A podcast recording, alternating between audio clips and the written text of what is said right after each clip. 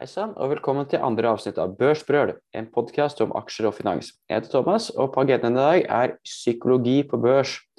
Hvordan unngå støy og tankefeller. Alt jeg sier skal bli oppfattet som markedsføring, gjør alt egen analyse. Historisk avkastning er ingen garanti for fremtidig kursutvikling. Investering kan gå både opp og ned i verdi, det er ikke sikkert du får tilbake ditt innsatte beløp. Og med det setter vi i gang. Allerede fra tulipanmanien på 1600-tallet har såkalt behavioral finance, eller atferdsfinans, vært aktuelt.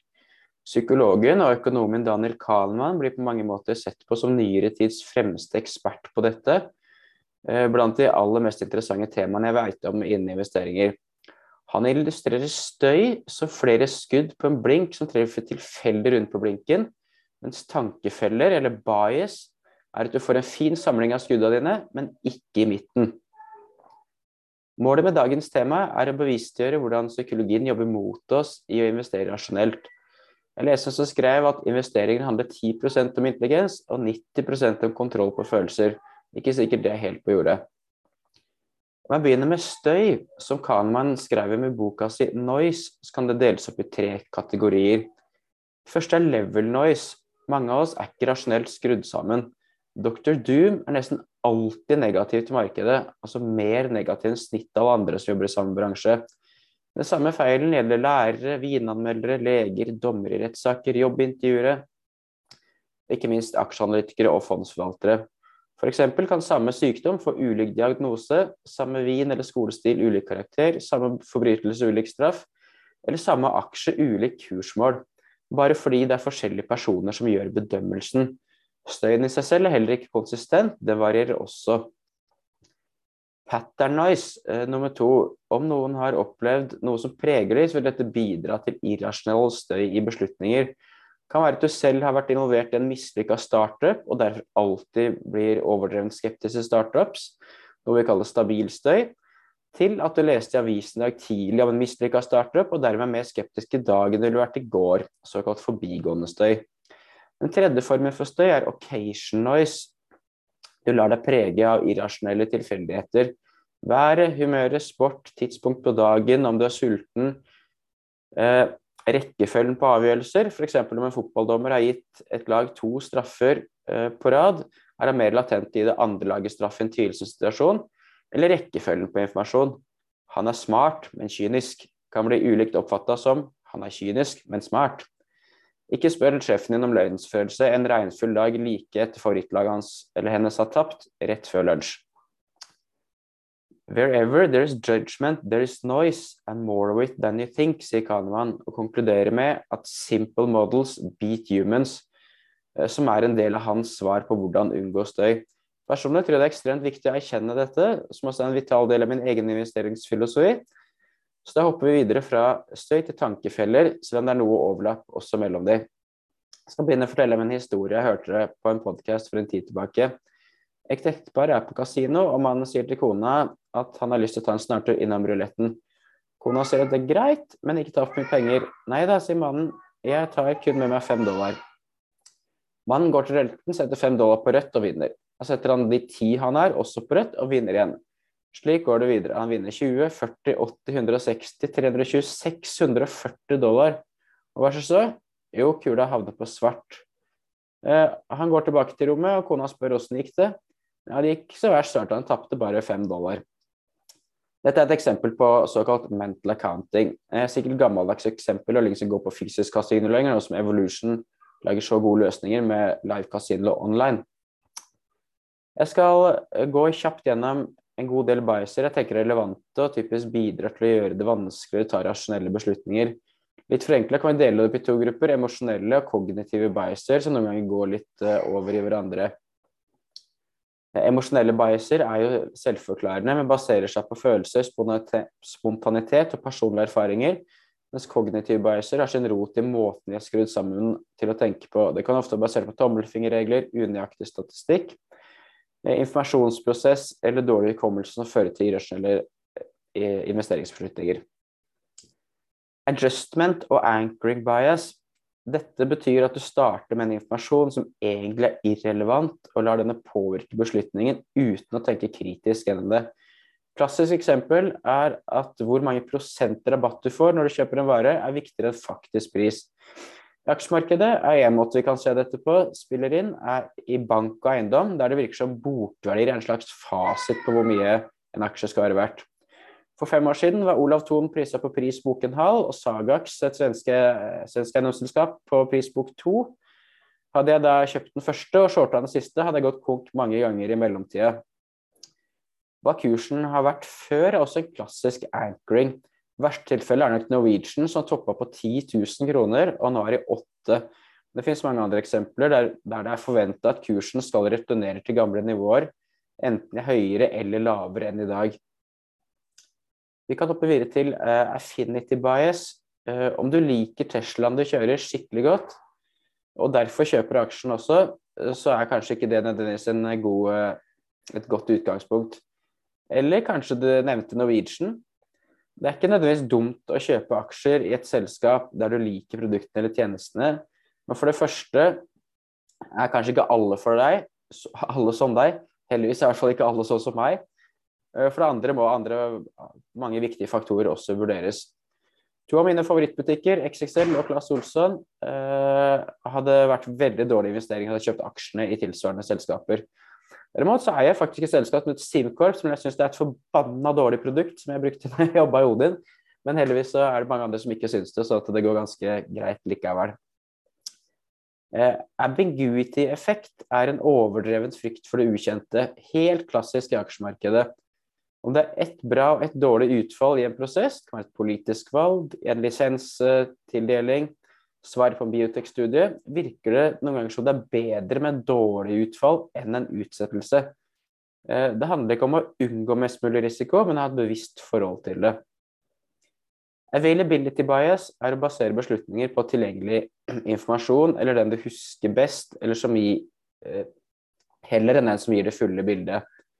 Om det blir tatt inn billettkontroll, vil du typisk kjøpe billett oftere, Husk at det du leser i avisen ikke gir et riktig bilde av virkeligheten. Det er i hovedsak det som er ekstremt, siden dette selger mest. John Templeton leste Financial Times én eller to dager etter det faktisk kom ut. Når han bodde på Bahamas og fjerna støy på den måten. Om bestemora di røyka hele livet og hun ble 102 år, så betyr ikke dette er sunt å sige. Bandwagon-effekt eller herd mentality er å følge strømmen eller rett og slett få FOMO, så det heter. Om alle prøver å investere på samme måte, vil verdsettelsen bli for høy, avkastningen dårligere. Litt som ETF-en Ark Innovation for et par år siden, kanskje. Når du ser alle andre hiver seg på IPO-markedet og tjener penger, som var tilfellet i fjor, kan det være fristende å gjøre det samme selv. Jeg tenker at Noe av det mest klassiske faktisk er nettopp plasseringer. Si at et selskap skal hente penger i et kursinntall på 25-35 kroner. Jo høyere intervallet den ble satt, jo høyere er typisk interessen. Aksjer kan være et Giffen-gode som setter tradisjonell tilbudsspørselsteori til side. For ofte det kan være lurt å, å, gjøre motsatt. Ofte kan det heller være smart å investere i kjedelige selskaper. Nå, vær obs på at selv kjedelige selskaper kan bli overhypa til tider. Base rate fallacy, eller base rate neglect, er å vektlegge den opprinnelige basesannsynligheten for lite. Sara har rødt hår. Tror du hun er fra Irland eller USA? 10 av irer har rødt hår, mens i USA er det bare 2% Likevel er det så mange flere folk i USA at sannsynligvis er hun faktisk amerikansk. Litt stereotypisk bias. I finans kan et eksempel være at du vektlegger et godt eller dårlig kvartalsresultat altfor høyt relativt til at selskapets levetid tross alt kanskje er flere titalls år. Eller at du gir én divisjon i et selskap som er litt ekstra spennende, mye større vekt enn det egentlig burde hatt. Kognitiv dissonans er når en person tror på to motstridende ting samtidig. Typisk skjer det når det dukker opp ny informasjon som går mot din tidligere tro. Jeg fikk kognitiv dissonans når Balder, eh, et av de som jeg mener er de absolutt beste svenske eiendomsselskapene i Norden, kjøpte en stor post i norske Entra som jeg mente var fullstendig overprisa. Vel, så langt 1-0 til meg, siden Entra-kursen har stupt etter transaksjonen, men, men vi får se. Confirmation bias er et veldig velkjent bias, uh, og vel verdt å oppmerksom, være oppmerksom på. Det er å kun leite etter informasjon som støtter en egen hypotese. Merker mye av det på f.eks. Twitter, der det virker som mange alltid tolker nyheter på en måte som er positiv for egne investeringer. En analytiker med kjøpsanbefaling vil gjerne leite etter noe i en kvartalsrapport som er positivt. Eh, salg, margin, ordreinntak, utsikter osv. Stort sett er ikke alt positivt eller negativt samtidig, så da kan man sherrypicke det som passer deres opprinnelige syn best. Siden smarte folk har mer confirmation bias eh, enn mindre smarte folk, så lider ikke jeg så mye av det. Men samtidig bruker jeg modellen min til, som kun skal plukke opp fakta, til å beskytte meg sjøl fra akkurat denne tankefellen. Conservatism bias eh, er en investors manglende evne til å ta til seg ny informasjon. Dette er nok en av de biasene jeg leder mest av, selv om det er dels kalkulert. This time is different er jo riktig noen ganger. Eh, dette er det motsatte av recency bias. Eh, jeg skal snakke om det seinere, som jeg tror er mer vanlig. Ørliten avsporing, men det er lov å endre mening, selv for en politiker som blir beskyldt for å vinglete. Mer om det en annen gang. Data mining bias. Eh, informasjonen du blir presentert for, er gjerne skrudd sammen for å illustrere et ønska resultat. Og Det er fort gjort å mine data sjøl også for å oppnå samme effekt. Fondsforvaltere kan f.eks. velge tidssteder på avkastning for å få sitt eget fond til å se best mulig ut. Noen ganger passer ett år, andre ganger kanskje tre eller fem år er bedre. Ikke helt ulikt framing bias, som vi kommer inn på etterpå. Endowment bias er å tro at det du eier, enten en ting eller aksje, er mer verdifullt enn det du ikke eier. Typisk fører det til at du eier aksjer lenger enn du bør, for du setter høyere verdi på dem enn hva som er reelt, og fordi det føles komfortabelt. Eh, fading effect bias er å glemme negative ting fortere enn positive. Aksjemarkedet har noen ganger skremmende kort minne. F.eks. når en CEO har kjørt flere selskaper i grøfta, men aksjemarkedet glemmer dette og stadig vekk gir ny tillit når han kommer inn i nye roller. Eh, familiarity bias ligger litt i ordet. Du legger uproporsjonalt høy vekt på det du kjenner. Tankefellen er bundet sammen med ambiguity bias, loss aversion og endowment bias vi akkurat snakka om. Typisk kan det føre til at du tar for lav risiko for for lite diversert portefølje, eller rett og slett basere investeringene for, på for dårlig snever analyse. Selv om de jobber med IT, er det kanskje, lurt, kanskje ikke lurt å kun investere i IT-selskapet, selv om de kjenner de best. Minner meg litt på en annen side om det Taleb kaller green lumber fallacy, der han skriver He remarks that a fellow named Joe Siegel, one of the most successful traders in a commodity called green lumber, actually thought it was lumber painted green rather than freshly cut lumber called green because it had not been dried. And he made his profession to trade this stuff. Så det går an å lykkes uh, selv om du ikke vet alt om noe, så er det ikke alltid du lykkes selv om du tror du vet masse om noe. Framing, eh, cognitive bias, den er viktig eh, og fortere og lett å la seg lure. Litt utvida versjon av dating mining eh, og masse eksempler her. Eh, selskapene er ferdige til å prøve å frame eller pakke inn nyheter på en positiv måte. Om resultatene er ned, skriver de 'sammenlignet med', og de er opp skriver de 'bedre enn'. Eh, og de velger selv hva de sammenligner med hittil i år eller sist kvartal.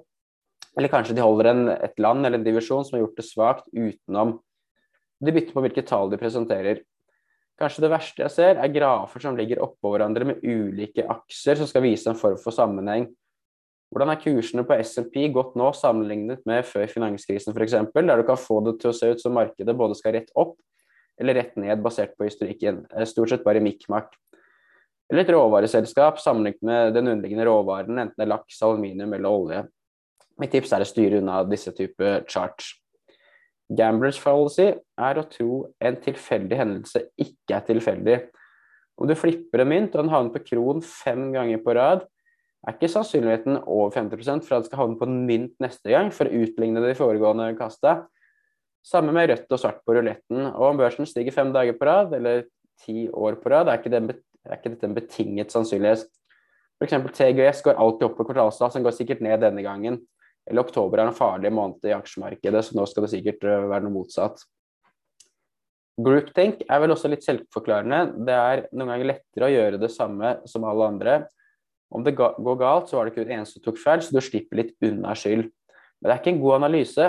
En norsk forvalter vil nesten aldri få kjeft fra Equinor, for omtrent alle andre også gjør det. Mange er feige, men for å, få, for å kunne gjøre det bedre markedet, må du gjøre noe annerledes i markedet. Det sier seg sjøl. Halo-effekt eh, er interessant å gå på bedømmelse ut fra noen veldig få kriterier. F.eks. kan kjente selskaper som Apple eller Google handle på høyere multipler, bare fordi det er de vi har hørt om. Hindsight bias er at folk etter en hendelse har overbevist seg selv om at de på forhånd hadde spådd rett utfall. Litt som i backtrading, selvfølgelig. Problemet med dette er at din egen overbevisning fører til overconfidence bias i fremtidige hendelser. Vi har opplagt at koronavinnere skulle bli koronatapere, eller uh, hva som skulle skje med vaksinene, at inflasjonen ikke var forbigående, eller at strømprisen skulle bli høy. Altså sier jeg at Ingen spådde noe av det. sånn. Samtidig er det jo litt statistisk fordeling på det. Litt som er illustrert ved at en klokke som står stille, går rett to ganger i døgnet. Hva er det som er opplagt nå? Skriv det ned og sjekk om et år da, og se om du fikk rett. Homebias er ikke sikkert det er best å investere i Norge selv om du bor her og er mest vant til selskapene her. Typisk blant fondsforvaltere med brede geografiske mandater er å ha overvekt i landet eller regionen der de bor. Det er mulig jeg husker feil, men jeg tror jeg leste en gang av en studie som viste at Japan-fond som ble drevet fra utafor Japan, gjorde det bedre enn de som ble drevet, fra, eh, drevet innenlands Japan. Det kan være risk å sitte for tett på også. Unnskyld. Hot hand fallacy er det motsatte av gamblers fallacy. Selv om du gjetter riktig på myntkast tre ganger på rad, er sannsynligheten fortsatt 50 for at du skal gjette riktig på fjerde kastet. Selv om du har et godt momentum, er det samme som å velge fond eller at selvtilliten er høy for du har truffet mange ganger på investeringer siste tida. Viktig å bare holde styr på statistikken her. Eh, Ikea-effekt ligner litt på endowment-effekt, der du verdsetter ting du eier høyere. Ikea-effekt gjør at du verdsetter ting du har investert tid i å bygge, lage eller utvikle selv, høyere enn hva som er reelt. Da kan jeg sjøl godt være skyldig å legge for stor verdi på modellen jeg sjøl har lagd, som legger til grunn for mye av min måte å forvalte på. Illusion of action eh, er tanken å tro at du må handle om noe skjer. Vil jeg ta feil her, men jeg innbiller meg det har skjedd veldig mye de siste tre årene med pandemi, krig og høy inflasjon. Eh, jeg tror det er fort gjort å bli stressa og tro at du på en måte må vise handlekraft. Jeg liker litt tilnærmingen til Funsmith, som har tre, tre prinsipper, hvor det siste er do nothing.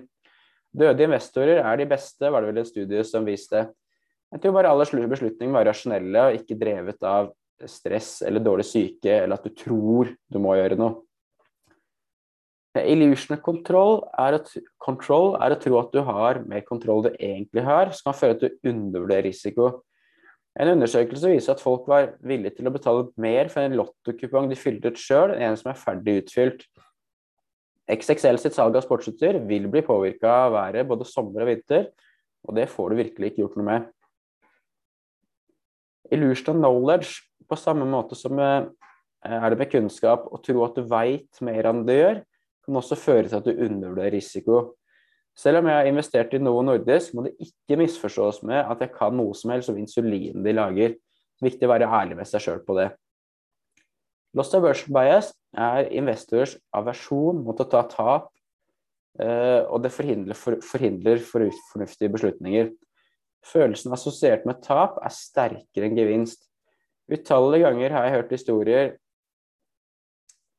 selv der noen har mista troa på en investering. De har vegret seg for å selge og heller investert i noe annet de har tro på, bare fordi de er i minus. Om en aksje er i 30 kroner, og du av en eller annen grunn har mista trua, så er det helt uvesentlig om du kjøpte den på 25 eller 35. Konsekvens er å sitte med dårlige investeringer for lenge. Klippe rosene og vanne ugresset, som man sier.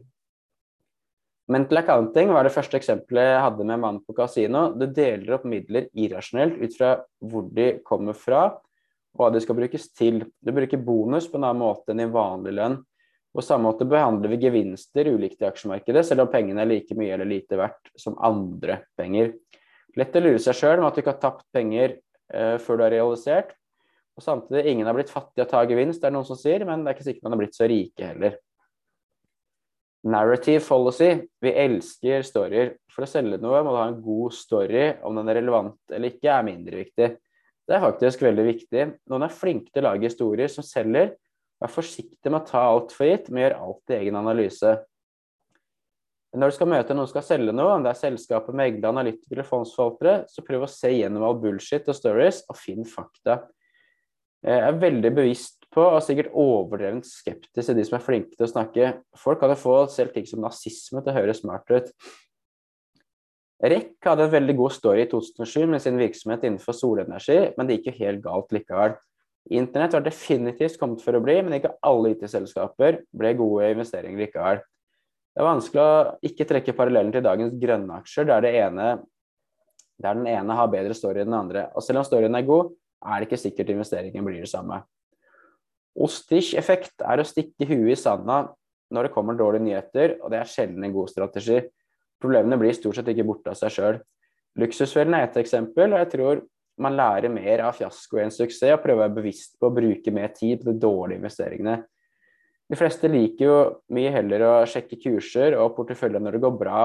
Og Det viser også gjennom Avanza, som er et klassisk eksempel, der flere logger inn og handler når børsen går opp, enn når den går ned. Outcome bias, kvaliteten på en avgjørelse, skal ikke baseres på om resultatet blir bra eller dårlig. Nesten umulig å argumentere mot i praksis, men ikke undervurdere tilfeldigheter. Annie Duke skriver mye om dette i boka 'Thinking in Bets'. Om du kjører hjem fra fest i fylla uten å bli tatt eller skade noen, vil likevel si at det var en dårlig avgjørelse. Mange lar seg lure av dette fenomenet. Vær ærlig med deg sjøl, din egen beslutning, og kanskje du heller kan lære noe av det. Overconfidence, noe av det samme som Dunning-Krüger-effekten. Klassisk historie er at unnskyld, 90% mener at de er en bedre sjåfør enn medianen til å kjøre bil. Eh, det mener ikke stolpene i de parkeringshusene jeg har vært i, hvert fall. En undersøkelse viste at 74% av porteføljeforvalterne mente de var bedre enn snittet, 26% gjennomsnittlig, og de siste, ja, 0% mente de var under snittet. For stor selvtillit kan være årsak til dårlige investeringer, at du sitter for lenge med dem. Det er ikke sikkert du har en unik kompetanse på å investere i helseaksjer, selv om du har medisinsk eh, bakgrunn. Å tro at du veit mer enn du gjør, er farlig og kan bli dyrt. Nest beste hånd i poker er tror jeg den verste du kan ha. Charlie Munger sier 'knowing what you don't know is more useful than being brilliant'. Paradox of choice. I teorien bør større utvalg og flere muligheter gi bedre resultater. Når du skal finne den fineste dama i hele verden, er det sikkert dumt å bare leite i Lillestrøm. Men samtidig, om teorien stemmer, bør vel globale fond gjøre det bedre enn de med snevre mandater. Men det er ikke nødvendigvis sånn. Det er begrensa hva vi klarer å prosessere, og det er noen ganger bedre å heller fokusere på det vi faktisk er flinke til. Vi har en tendens til å legge for stor vekt på nylige hendelser, sånn som recency bias. Eh, om det var lite snø akkurat denne vinteren, er det ikke sikkert du burde selge skia dine, eller du burde slutte å fly fordi det var en flystyrt nylig. Om markedet får en nedtur, er det ikke sikkert du burde slutte med investeringer. Om et selskap plutselig tjente mye penger i år, er det ikke sikkert det er fordi det er blitt et veldig mye bedre selskap. Veldig relevant nå med pandemi, høy inflasjon, frist i minne. Mange av vinnerselskapene fra pandemien har slitt etterpå, og vice versa. Et fornuftig utgangspunkt er nok å måle selskapene over litt tid. Regret aversion er rett og slett uh, at du enten tar eller lar være å ta en beslutning, for du er redd for du kommer til å angre på det. Kanskje du kjøper en aksje fordi du tror du kommer til å smerte som den går opp, og ikke eieren. Henger litt sammen med loss aversion. En negativ hendelse veier tyngre enn en positiv, og dette påvirker beslutninger. FOMA er også her et eh, klassisk eksempel. Representativeness heuristic, eller stereotyping bias, eh, dette er gjort mange ganske interessante eksperimenter på. Det er en form for å kategorisere basert på enkle, tommel, enkle tommelfingerregler og stereotypiske slutninger som ofte blir feil. Linda is 20, uh, 31 years old, single, outspoken and very bright. She majored in philosophy. As a student, she was deeply concerned with issues of discrimination and social justice and also participated in anti-nuclear demonstrations. Which are more probable? One, Linda is a bank teller. Two, Linda is a bank teller and is active in the feminist movement. Dette er en av mine absolutt favoritter. I finans elsker vi kategoriseres fra sektor, industri, land eller tema. F.eks. dette med vekst eller verdi. Er interessert i å se hvor enkle forhold mange har til dette. Eh, om et oljeselskap er børsnotert i Norge eller Sverige, så trenger det ikke være noe forskjell eh, av den grunn. Eh, og det er ikke sikkert alle IPO-er eller flyselskaper er dårlige selskaper, eller at alle IT-selskaper vokser. Risk averse eller zero risk bias. Det ligger litt i navnet, selvfølgelig. Noen ganger er det lettere å ta et valg med et sikkert utfall heller enn et usikkert, selv om vi har høyere forventningsverdi. Typisk vær redd for å investere i aksjer. Ofte kan vi foretrekke å ta absolutt null risiko, selv om utfallsrom og forventningsverdi blir mye bedre og tar bare litt risiko. Etter finanskrisen viste undersøkelser at mange investorer var prega og tok irrasjonelle valg basert på den effekten. Eh, den største risikoen er at du tar for liten risiko, husker jeg det en som sa til meg en gang. Selection bias, eller sample selection bias, henger litt sammen med survival bias, jeg skal også komme inn på. Som det ligger i navnet, betyr dette at uh, du kan være eksponert mot et skjevt utvalg. Mange har dårlig skjulte agendaer når, uh, når de sammenligner f.eks. aksjer eller fond. Sammen når du scroller gjennom ulike sosiale medier, de fleste legger ut noe som er mer flatterende enn hva virkeligheten er, og sammenligningsgrunnlaget blir feil. Self-attribution bias er å tro at positive utfall skyldes dyktighet, og negative utfall skyldes risiko. Dette vil typisk føre til at du tror du er flinkere enn du er, og dermed tar for høy risiko. Vær ærlig med deg sjøl. Self-control bias, mangel på selvkontroll, bidrar til at folk tar eh, valg ut fra å oppnå små kortsiktige gevinster på bekostning av større langsiktige. Typisk kløser bort penger på unødvendige ting i dag skal investeres og bli vesentlig mer verdt i framtida. Snakebite-effekt, brent barn skyr ilden. At du er blitt brent av én type investering før, kan gjøre deg mindre sikker på å gjøre noe lignende investeringer i framtida enn du rasjonelt sett burde være. Hadde f.eks. vært tøft for meg å kjøpe Fjordkraft eller noe lignende igjen. Status Q-bias er å motsette seg endringer, selv om forutsetningene eh, gjør det. For det er lettere å unngå usikkerheten ved endring. Henger litt sammen med endowment bias. Det er vanskelig å skifte ut fond eller aksjer, selv om du kanskje burde det. Sunk cost fallacy. Sunk cost er noe vi mange kjenner til, men likevel håndterer dårlig. Å gå rundt med et par sko som er vonde å gå med siden de var litt dyre og du ikke får bytta det inn, f.eks. Eller om du har betalt for en kinobillett, men du syns filmen er dårlig, så ser du likevel ferdig. Du drar på ferie selv om det er møkkavær, bare fordi du allerede har betalt for oppholdet. I aksjeverden kan det være at du bruker veldig mye tid på å lære deg et selskap eller industri, så du blir litt biased at du ønsker å investere i det, sånn at ikke all tida du har brukt, har bortkasta, selv om det egentlig ikke er så positivt. Survival bias eh, her, typisk her er et fond som har gått dårlig og blitt lagt ned, eh, som gjør at utvalget blir skeivt, og derfor viser det en kunstig god utvikling. Noen fondselskaper har startet mange fond som gradvis legger ned de dårligste, slik at det til slutt bare er et par med god historikk som overlever. Selskaper som gjør det dårlig, faller ut av indeks eller går i verste fall konk og blir borte fra utvalget. Kanskje en ørliten avsporing her, men det var et par oljetunge fond som ble lagt ned for noen år siden. Eh, og flere fond som utelukka olje fra sine mandater. Det viste seg å være et ganske godt tidspunkt å investere i olje på. Litt herd mentality her også. Blind spot bias noen har kanskje avslørt at jeg lista opp disse biasene alfabetisk, men jeg gjør et unntak med å avslutte med blind spot bias, som nemlig er å tro at du er immun mot de nevnte tankefellene eh, mer enn andre, bare fordi du veit om dem. Jeg har nevnt noen underveis, eh, men jeg skal prøve å eh, fortelle litt hvordan jeg prøver å håndtere disse tankefellene sjøl. Eh, jeg starta med å systematisere alle tidligere egne investeringer og satte inn i et to ganger to-diagram med riktig og feil resonnering på ene aksen og bra eller dårlig utfall på andre aksen. Kombinasjonen av riktig resonnering og bra utfall blir dyktighet. Riktig resonnering og dårlig utfall er uflaks. Feil resonnering og bra utfall er flaks, mens dårlig resonnering og dårlig utfall er udugelighet. Eh, I tillegg lagde jeg en kvalitativ kommentar på alle investeringene for å prøve å finne et mønster. Det, det, som viste seg for meg i dette, var at jeg systematisk solgte gode selskap for tidlig. Jeg kjøpte også dårlige selskaper bare fordi kursen hadde falt. Jeg skulle prøve å kjøpe dippen. En gang kjøpte jeg et selskap bare fordi det hadde høy utbyttegild. Gikk selvfølgelig galt da jeg kutta utbytte og kursen stupte. Det var selvfølgelig også masse andre feil, men dette er noen av eksemplene. Så jeg lærte ut fra dette en del systematiske feil, og det er mye bakgrunn for modellen jeg lagde i Veritas, som er skrudd sammen for å forhindre meg i alle denne type idiotiske ting. Det er bare andre typer idiotiske ting isteden. Det er bare min vei. Det er mange veier til rom her også. Eh, men det er viktig å prøve å styre unna unødvendig kostbare feil. Tipset litt er å fjerne støy og bullshit, fokusere på fakta, være ærlig med deg sjøl.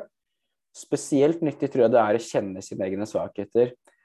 Anbefaler spesielt boka The Undoing Project av Michael Lewis, men også Misbehaving og Nudge av uh, Ricky Taller er bra.